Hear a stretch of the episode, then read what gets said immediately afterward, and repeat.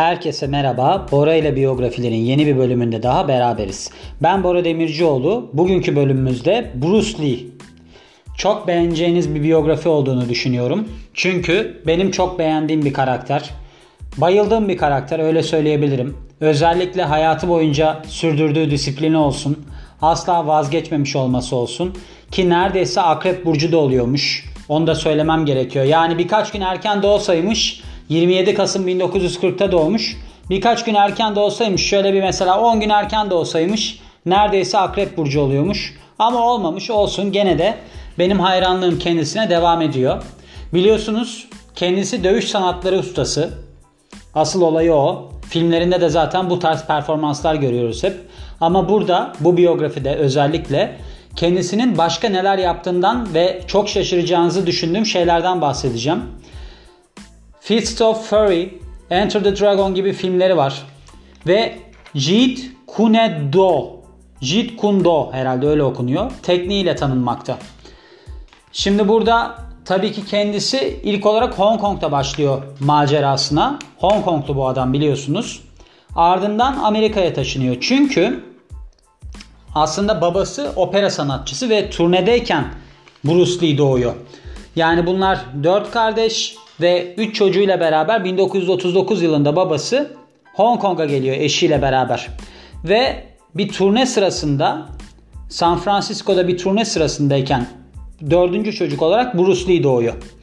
Bu Bruce Lee ismi aslında Bruce ismi yani doğduğu hastanede bir hemşire tarafından konulmuş. Gerçek adı Lee Jun Fan. Lee Jun Fan daha aslında güzel. İnsanın aklında ağzında daha çok kalıyor. Öyle söyleyelim. 27 Kasım 1940'ta doğmuş. Ve dediğim gibi bu Bruce ismini aslında o okula başlamadan önce kimse kullanmıyor. 3 aylıkken oynuyor ilk rolünü. 1941 yapımı Golden Gate Girl'de bir Amerikan bebeğinin yerine geçerek yapıyor bunu. Onun yerine oynamış anladığım kadarıyla.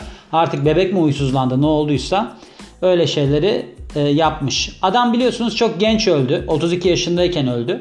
Onlara geleceğiz. Şimdi baştan başlayarak gidelim işte. Şimdi 1940'ların başındayken Lee'ler tekrar Hong Kong'a geri dönüyor ve ardından da Japonlar tarafından işgal ediliyor zaten Hong Kong. Kamera önünde bu adam çok rahatmış Bruce Lee. 1946 yılında başladığı bir kariyeri var. 1946 yılında yani 6 yaşındayken başladığı bir kariyeri var. Çocuk yıldız olarak 20 tane aşağı yukarı filmde görülmüş. Bu adamın bakın orijinalliklerine başlıyorum şimdi. Dans eğitimi alıyor. Hong Kong'da Cha-Cha müsabakasını kazanıyor. Ve aslında şiirleri de çok tanınıyormuş Hong Kong'da. Yani şiirleriyle çok ünlü birisiymiş. Biliyorsunuz zaten kendisinin işte su gibi ol dostumlar. İşte su isterse yıkıp geçer, isterse belirli bir forma girer gibi özlü sözleri filan da var. Yani adamın hani ona eğilimi varmış. O yüzden de aslında çok doğru. Yapılabilirmiş yani hani şiir yazmasına çok da şaşırmadım ama dansa gerçekten şaşırdım. Değişik yani. Ergenlik yıllarında Çinli kökeni sebebiyle İngiliz öğrencilerin alay konusu oluyor ve ardından bir sokak çetesine katılıyor. Serserilik yılları diyebiliriz.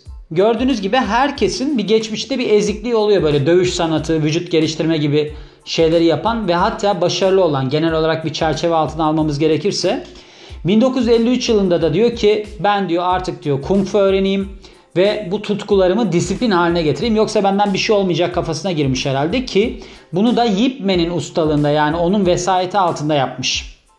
Yip Man'in de filmi filan var biliyorsunuz. Bu, bu arada Bruce Lee'nin de zannedersem adı Dragon'du. Çok iyi bir filmi vardı onun hayatını anlatan. Çok duygusal. Gerçekten çok başarılı bir filmdi bu film. Eğer adı Dragon muydu hatırlamıyorum ama muhtemelen Dragon. 93 yılı falan olabilir. Onu bir izlemenizi tavsiye ederim. Öyle söyleyeyim. 60'lı yıllar başlarken Lee Amerika'ya geri dönüyor ve Seattle, Washington'da aile arkadaşlarıyla beraber yaşamaya başlıyor. Yani ailesini tanıdığı kişilerle beraber yaşamaya başlamış ve burada ne olarak para kazanıyormuş biliyor musunuz? Bulunduğu yıllarda dans eğitmeni olarak.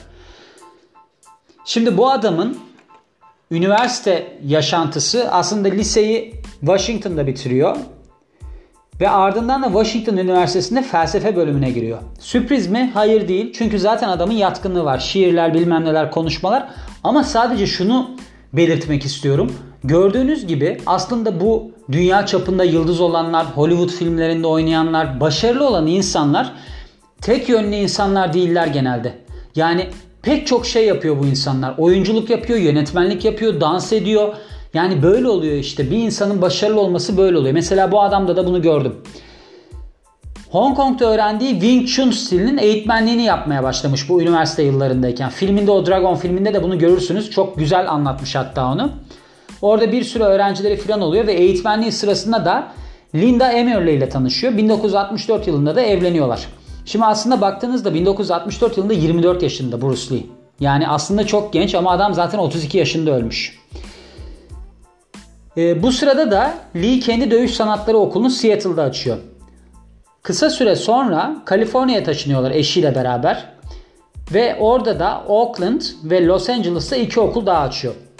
Çoğunlukla bu demin bahsettiğim Jeet Kune Do adını verdi ve, ve de buna şey diyormuş yumruğu yakalama yolu o, o teknikmiş yani. O tekniği öğretiyormuş daha çok Lee ve eğitmen olmayı çok seviyormuş. Bunu ticari bir olay olarak görmek istemediği için demiş ki ben demiş sinema dünyasında bir kariyer yapayım ki hani ben bu eğitmenlik kısmını bedava vereyim. İnanır mısınız? Ben de bu spor eğitmenliğini aynı bir şekilde yapmak istiyorum. Paralelde yaptığım pek çok iş var. Umarım diyorum onlar çok tutarlar da ben bu spor eğitmenliği işini parasal bir şey olarak görmem. Hoş şu anda diğerleri tutmuyor. Ben gene parasal bir şey olarak görmüyorum ama o benim biraz manyaklığımdan kaynaklanıyor olabilir. Neyse çok benimle alakalı bir konu değil. Ardından Lee ve Linda'nın 1965'te Brandon Lee doğuyor. Biliyorsunuz bu da çok trajik bir şekilde ölmüştü. Ee, Karga filminin çekimleri sırasında 93 yılında. Orada boş olması gereken bir silah tarafından dolu olan bir silah tarafından vurularak öldü. 1969'da da Shannon'la e, ailelerini genişletiyorlar. Aksiyon kahramanı olarak 1966-67 yıllarında 26 bölüm yayınlanan The Green Hornet'ta ün kazanıyor Bruce Lee. Burada 1930'ların bu radyo programına dayanıyor bu dizi. Bruce Lee akrobatik hareketler yapıyor işte böyle teatral dövüş sanat stilleri falan yapıyor. Orada da Kato'yu oynuyor. Hornet'ın yardımcısı. Bunu biliyorsunuzdur. Bu çok aslında şeyde de var. Bir zamanlar Hollywood'da bu, e, bu karakter olarak Bruce Lee'nin oynadığı karakteri güya Brad Pitt dövüyor filan. Orada Kato rolü işte. Ondan bahsediyor. Bu 67 yılında işte bu dizi bittikten sonra da Ironside ve Longstreet gibi şovlara misafir oyuncu olarak katılıyor. 1969'da önemli bir rol alıyor Marlowe filminde. Burada filmin senaristi Stirling Sleepant, Lee'nin öğrencilerinden biri olduğu için almış bu rolü. Lee'nin bayağı bir öğrencisi var aslında. Ünlü öğrencileri var. Mesela Steve McQueen var. James Coburn var ve Marlowe'da başrol oynayan James Garner da aslında onun öğrencisi.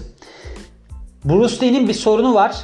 Filmde bu bahsettiğim filmde onu çok net göstermiş. Yani burada ona belirtmemiş. Bir dövüş sırasında filmdeyken sırtından yaralanıyordu. Adam bir sucker punch deniliyor ona yani böyle e, farkında olmadan bir yumruk atıyor bir şey yapıyor. Sırtına vuruyor. Orada bir omurgasında bir zedelenme falan oluyor ve sürekli olarak onun ağrısı var. Onun ağrısını çekiyordu.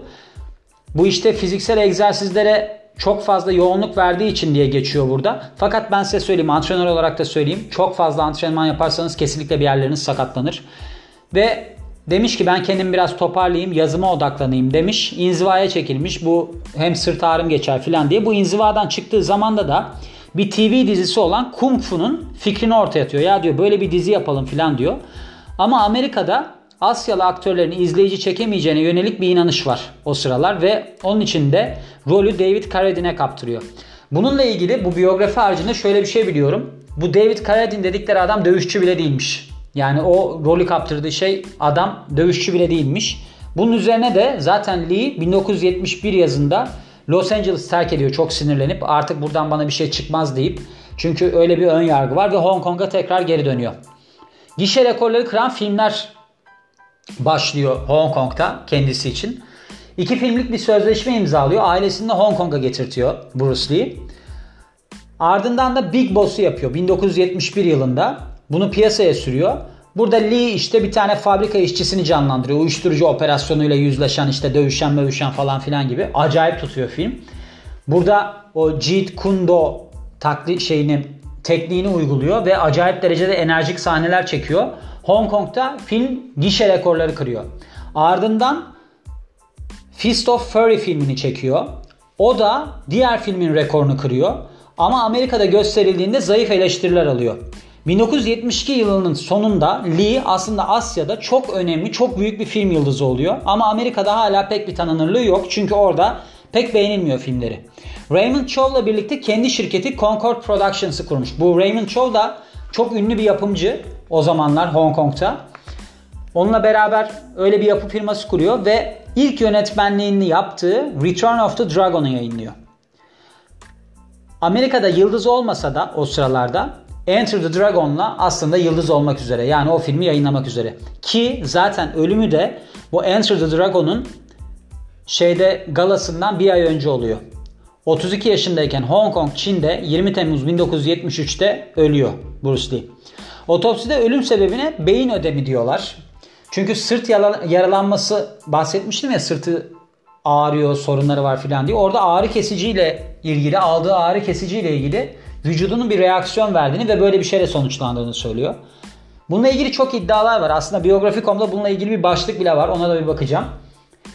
Lee'nin ölümünü bir, bir kısım çevreler cinayet olarak adlandırıyor. Ve başka bir kesim de Bruce Lee'nin lanetli olduğuna inanıyor. Çünkü Bruce Lee hayatı boyunca erken öleceğine inanıyormuş. Böyle bir lanetli olduğuna inanıyormuş. İnsanlar da demiş ki o zaten biliyordu lanetliydi. Hatta bu lanet söylentileri başında da bahsettiğim 93'teki bu Karga filminin çekimlerinde Brandon Lee'nin ölmesinden sonra da iyice artmaya başlıyor. Gördünüz mü diyor işte bir kısım, bir kısım çevre. Onlar lanetli, oğlu da öldü filan gibi. Bana kalırsa nedir biliyor musunuz? Ben de şöyle bir varsayımda bulunuyorum ölümüyle ilgili olarak. Bu adamın fiziğini gördüyseniz sıfır yağ olduğuna dikkat etmişsinizdir. Yani bu adam muhtemelen o yağsız fiziğini korumak için sadece beslenmeye filan, sadece spora bel bağlamıyordu. Bence o bir yağ yakıcılar bir şeyler kullanıyordu. Ondan dolayı olmuş olabilir. Yani burada belirsizlik varsa ben biraz da steroid diyeceğim yani. Öyle şeyler kullanabileceğini düşünüyorum. Çünkü fiziği gerçekten aşırı derecede yağsız, aşırı derecede fit. Benim görüşümdür yani. Yeni bir tartışma başlatmak istemem. evet gördüğünüz gibi sizleri biraz gülümseterek bitirmek istedim. Çünkü ölüm konularını sevmiyorum. Sizlerin de bildiği gibi. Böyle bugünkü biyografimiz de böyleydi. Son derece önemli bir insan biliyorsunuz. Ama 20 Temmuz 1973'te kaybettiğimiz bir insan. Son derece disiplinli, bir felsefesi olan, hayata dair bir mücadelesi, bir bakışı olan çok çok önemli bir kişilik ve gördüğünüz gibi kendisi de efsane olarak kaldı. O yüzden iyi ki vardı. Kazandırdıklarından dolayı teşekkür ediyoruz film sektörüne ve spor sektörüne diyeyim. Bugünkü biyografimiz de böyleydi. Dinlediğiniz için çok teşekkür ederim. Ben Bora Demircioğlu. Yeni biyografide görüşmek üzere. Hoşçakalın.